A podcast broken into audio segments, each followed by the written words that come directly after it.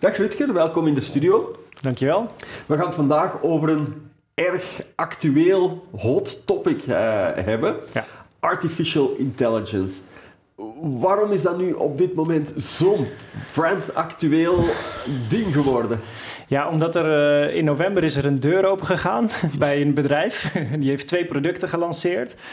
En daarmee kan ineens de hele wereld gebruik maken van de kracht van kunstmatige intelligentie, artificial intelligence. En dat, dat woord, ja, ChatGPT, dat hoor je overal. Ja. Maar ook DAL-E is ook een hele interessante. Uh, ChatGPT die genereert tekst en die kun je eigenlijk als een slimme chatbot inzetten voor wat je dan ook maar wil. Of het nou een recept is of een moeilijk script schrijven. Dat kan die. Oh, recept heb ik nog nooit geprobeerd. Ja, die is dat ook is leuk. Ook wel ja, leuk. ja. dat is ook wel interessant. Um, maar ja, sinds november vorig jaar, eigenlijk 2022, uh, zijn die tools beschikbaar geworden voor de hele wereld. Ja. En ja, iedereen begint daar binnen zijn eigen interesses mee te spelen. Van wat doet dit voor mij? En um, ja, dit heeft zo'n grote invloed op ons, hoe wij uh, het werk wat we aan het doen zijn, de dingen die we leuk vinden. Um, dat we allemaal heel nieuwsgierig zijn, maar ook een beetje angstig van wat gaat dit doen? En eigenlijk weet niemand hoe het afloopt. Mm -hmm. um, en daardoor is er zo'n enorme uh, populariteit rondom deze thema's. Omdat sommige mensen bang zijn voor een baan. Van, oh, heb ik er straks nog wel een baan? Maar ook het onbekende van de techniek. Hè? Gaan, we, gaan de Ja. robots ons overnemen? Uh, die gedachte. Maar anderen ook heel nieuwsgierig van... Wat, wat kan kunstmatige intelligentie voor mij betekenen? Kan ik dingen leuker, Mhm. makkelijker maken? Dat maakt dat, uh, dat dit onderwerp AI ineens... heel erg een vogelvlucht of een stroomversnelling eigenlijk in is gekomen. Uh, want ja, het bestaat eigenlijk al 10, 20 jaar zijn we al Ja, met AI ja. bezig. Maar uh, ja, het begint nu ineens beschikbaar te zijn voor iedereen. En we zien het allemaal nu bij ons toepassen. Wat je typisch ziet als zo'n nieuwe technologie uitkomt, is een enorme piek in interesse. Ja. Iedereen heel enthousiast. Kijk eens wat het kan. Ja. En dan komt er typisch ook een kantelpunt. Want dan beginnen mensen te zien van... Oeh, maar het is toch niet zo helemaal 100% correct. Er zijn toch ook limitaties en, Ja. en zo verder. Ja. Jij bent er nu al even mee aan het spelen.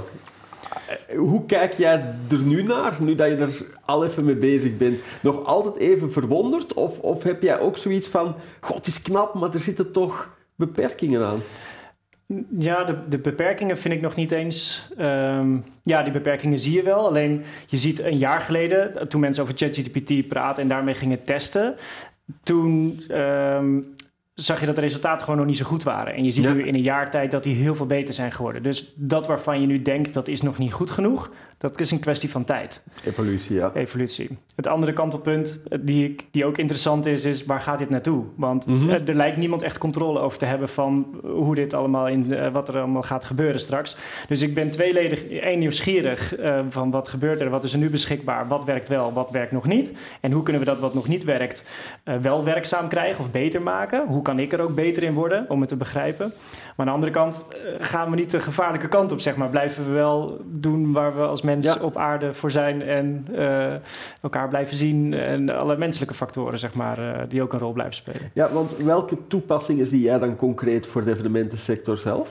Ja, dus ik, ik zie bijvoorbeeld vooral in het maakproces van evenementen, die is best wel interessant, omdat zo'n tool als ChatGPT, die kun je dus alles vragen als een chatbot, een opdracht geven.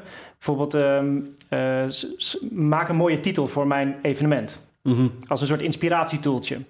En als je niet blij bent met het resultaat, dan kan je zeggen: Ik wil nog zeven suggesties. En dan geeft hij er nog zeven. En dan zeg je: Nou, ik wil met deze woorden erin. En dan doet hij daar weer zeven. Ja. Dus het is een soort inspiratietool.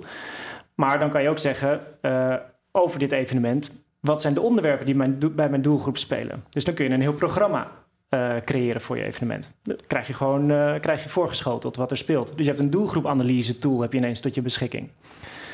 Ehm, ja, en de volgende stap is: oké, ja, dan heb ik mijn evenement, heb ik mijn onderwerpen. Schrijf dan ook maar het script. En misschien wel voor die spreker. Doet hij ook. Ja, en dus al die tekst als, als, als Mhm. output eigenlijk, dat waar we heel lang zelf op zaten te typen, zaten te researchen, eh, onze eigen creativiteit, onze eigen titels, ja, dat wordt ineens een heel ander spel. Want er, er komt ineens voor jou een gegenereerde tekst die best wel goed is, misschien niet helemaal top, maar het scheelt heel veel tijd in het maakproces. Ja. En dat is heel interessant. Waardoor dat je ja, als event professional gewoon op andere dingen kunt focussen. Precies, ja. ja dus dat is ook wat ik zeg. Uh, je kunt met, met, uh, met AI kun je heel veel tijd besparen. Betekent niet dat je tien keer meer evenementen moet gaan organiseren. Maar focus je nou op dat ene evenement dat je gaat doen en maak die beter. Dus richt je meer op de kwaliteit, richt je meer op de inhoud, richt je meer op de kwaliteit van de productie bijvoorbeeld. Dus gebruik die tijdswinst wel om je event beter te maken. Ja. Nu, je hebt er straks al aangegeven, hè? een van de, de, de dingen die je heel vaak hoort is een soort bezorgdheid. Bestaat mijn baan nog uh, binnen x aantal jaar? Ja. Ik denk dat we min of meer net al het antwoord hebben gegeven, maar ik ga het toch nog een keer vertellen om, om, om dat dan toch de wereld uit te, te krijgen. Denk jij dat de eventplanners vervangen gaan worden door AI? Ik denk het niet. Nee, zeker niet. Nee, ook eh, eventplanners zijn zo zijn zo goed in hun vak, zeg maar, doordat ze een, een, de, de, de, de speel in het web zijn. Van alle, vanuit de stakeholders krijgen ze heel veel informatie. Ze moeten organiseren, produceren. Uh, dat is zo'n complex proces. Dat lijkt me heel lastig, maar goed, dat is natuurlijk gevaarlijk om te zeggen, want wie weet over een jaar ja. om dat helemaal te We halen de video wel offline, mocht die uh, ja. achterhaald zijn. Of dan gaan we terugkijken en dan gaan we heel hard lachen erom. dat kan ook. maar, um, en, en, daar zit denk ik volgens mij wat altijd de rol van de event managers. Er komen nieuwe tools zijn er beschikbaar.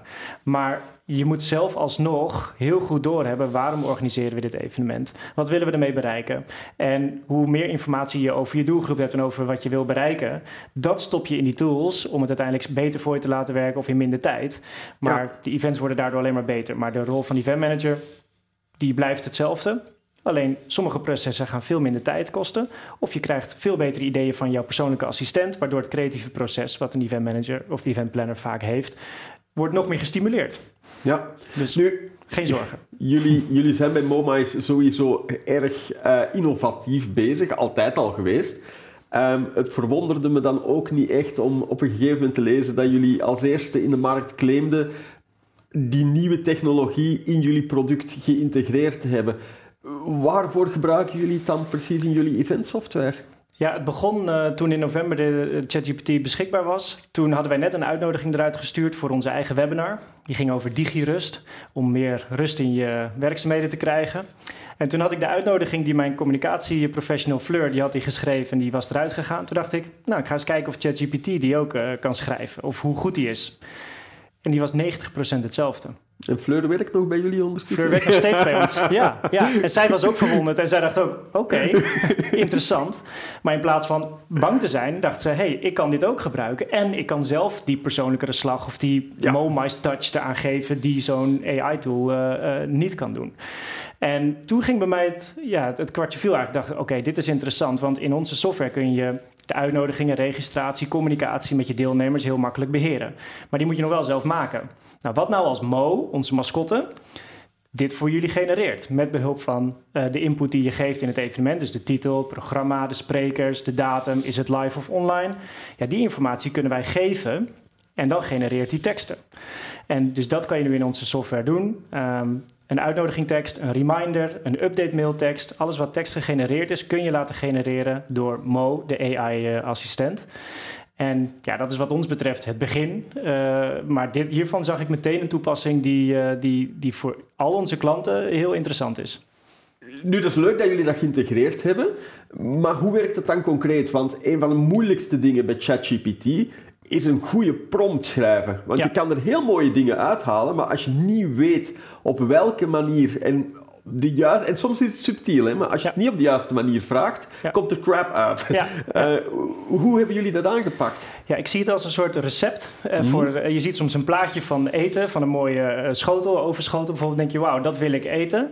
En als je dat zelf moet ondervinden, hoe je die maakt, dan is dat behoorlijk lastig. En je kan verrassend, nou, positief of negatief jezelf verrassen daarmee.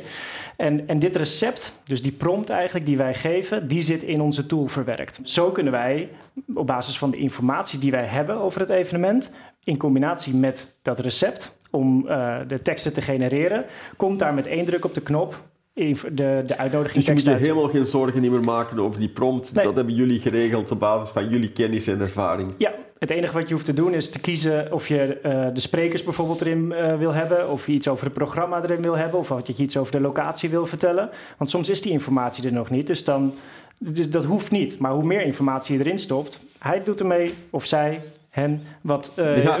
wat, je, eh, eh, wat je aangeeft. Dus je hoeft alleen maar te kiezen welke onderdelen je erin wil. Ja. En de volgende stap is ook dat je de, ehm, de tone of voice kan aanpassen. Want wij hebben nu één tone of voice gekozen. Die kun je ook aangeven in dat recept. Maar ik kan me voorstellen dat ja, voor een evenement, voor de, de KLM Open bijvoorbeeld, heb je een andere tone of voice dan voor een intern evenement. Ehm, dus Ja. dat lijkt me nog een hele mooie aanpassing. Dat je straks zelf aan de knoppen heel makkelijk kan zitten. En dat wij het complexe proces van die prompt op de achtergrond eh, blijven doen. Ja, dat is wel cool. Ehm, nu, jij bent zo, sowieso iemand die heel erg open-minded is rond nieuwe technologie en zo Ja. verder. Ja. Er zitten heel veel eventmanagers naar ons programma te kijken of te luisteren. Hoe zou jij hen adviseren met dit soort ja, ontwikkelingen, nieuwe innovaties om te gaan? Ja, ik zou, ehm, je- ik zou je nieuwsgierigheid willen vragen eigenlijk als, Ja. als eventmanager van ga er gewoon eens mee spelen. Ehm, want het, het is nu gewoon beschikbaar. Je kunt gewoon een accountje aanmaken bij ChatGPT en dan kun je gewoon een opdracht geven. Maak een uitnodiging voor dit evenement en kijken wat eruit komt. Je hoeft er niks mee te doen. En dan ga je spelen. Oh, ik wil dat hij iets korter is. Ik wil dat hij iets langer is. Ik wil dat dit erin zit. Ik wil dat dat erin zit. Het is, het is niks engs. Je, er komt gewoon een uitnodiging uit. En je kunt ermee doen en laten wat je wil. En je kunt dus ook zo'n script voor je evenement laten maken. Of misschien inderdaad toch denken... Hey, dat, die titel voor het evenement is misschien een beetje saai. Eh, laat ik daar eens eventjes met ChatGPT aan de slag gaan. Ik zou zeggen, ga ermee spelen. Het woord spelen ehm, is denk ik heel belangrijk. Want Ja. je hoeft er niks mee te doen. Maar alle keer gewoon... ja een uurtje in je agenda in de week. Dat doet een keer op vrijdagmiddag als je de andere dingen gedaan hebt. En ga met je teamleden ook gewoon spelen. Eh, en zeg, oh, ik heb dit gemaakt. Oh, ik heb dat gemaakt. Oh, maar dit, werkt, eh, dit woordje werkt beter dan die. En dan Maar- maar gaat dat is het, leven. Eh, Ja. Eentje die ik bijvoorbeeld zelf nu meer en meer begin toe te passen, dat is ook zo'n leuke.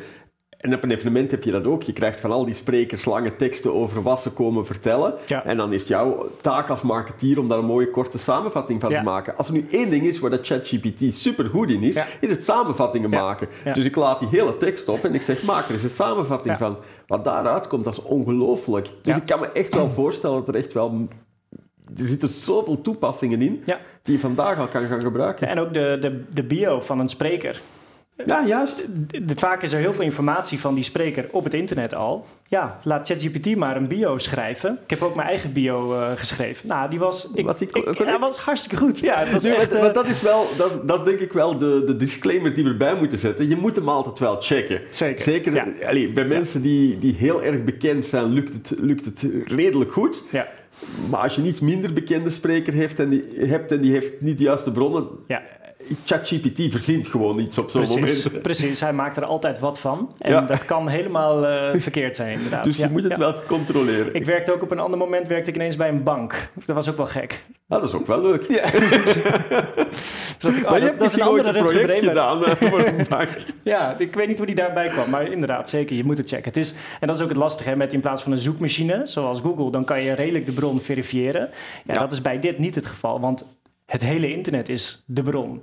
Ja, Ja, en dat is dus- ook het grappige. Ik weet niet of jij dat al ooit geprobeerd hebt, maar je moet er maar eens aan ChatGPT vragen of hij ook de bronnen eh, kan geven van, van Oh. de tekst die hij heeft gegeven. En dan verzint hij letterlijk gewoon Oh. de bronnen erbij. Ja, ja, ja. Maar ze zien er heel, heel erg eh, realistisch uit. dat is wel knap. Ja, ja, ja. Nou, dit, soort, dit is dus ook hoe wij ermee om moeten leren gaan. Ja. En dit is een hele andere mindset. De programmeurs van ons vinden het ook heel vervelend dit. eh, met kunstmatige intelligentie gaan programmeren. Want het is niet eh, allemaal correct. Het is niet sluitend.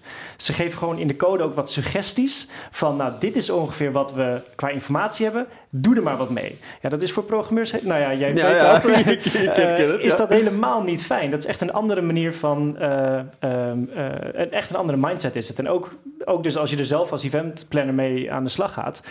Ga er gewoon mee spelen. Kijk wat eruit komt en beoordeel het en met elkaar. En kijk hoe je het beter kan krijgen en hoe het voor je kan werken. Maar ik denk dat je het er straks heel mooi hebt gezegd. Hè.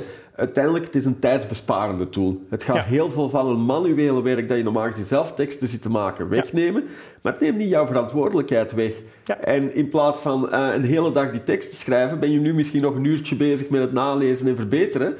Maar dat is een fantastische tijdswinst. Zeker. Ja, en ook in je uh, welke andere evenementen of welke andere onderwerpen spelen er bij mijn doelgroep. Dus dat soort dingen is gewoon, ja, je zult zien hoe verrassend goed die onderwerpen zijn. En die kun je ook weer toetsen bij bijvoorbeeld je klanten of bij uh, je, je, je, doelgroep. Van zijn dit inderdaad onderwerpen die je interessant vindt? Je hebt echt een assistent eigenlijk altijd bij de hand. En dat uh, ja, is volgens mij gewoon heel fijn. Als we vooruit kijken, ik weet dat altijd een moeilijke is, hè? je oh, hebt ook geen glazen bol natuurlijk. Nee. Maar hoe zie jij het verder evolueren? Ja, ik, ik, uh, ik, ik, volg een paar nieuwsbrieven van uh, een paar hele slimme mensen die over dit onderwerp. Nou, zij ze raken ook elke keer weer verbaasd. En dat vind ik een beetje het lastige eraan. Dat als de experts op dit gebied, die zeg maar heel goed volgen van wat er wereldwijd allemaal mogelijk is als die al elke week met een nieuwsbrief-update komen met... oké, ik dacht dat ik het wist, maar nu is er weer een andere toepassing mogelijk. Dat, je ook, um, dat, dat we ook kunnen laten programmeren. Uh, weet je, alle toepassingen... Ik hoorde ook een heel mooi voorbeeld uh, in, een, uh, in een podcast... waarin ze een, een columnist... Die hadden ze gezegd, nou schrijf maar een dagelijkse column in de stijl van deze columnist. En um, bedenk maar eventjes wat die kritiek is van, op die columnist en schrijf die teksten beter.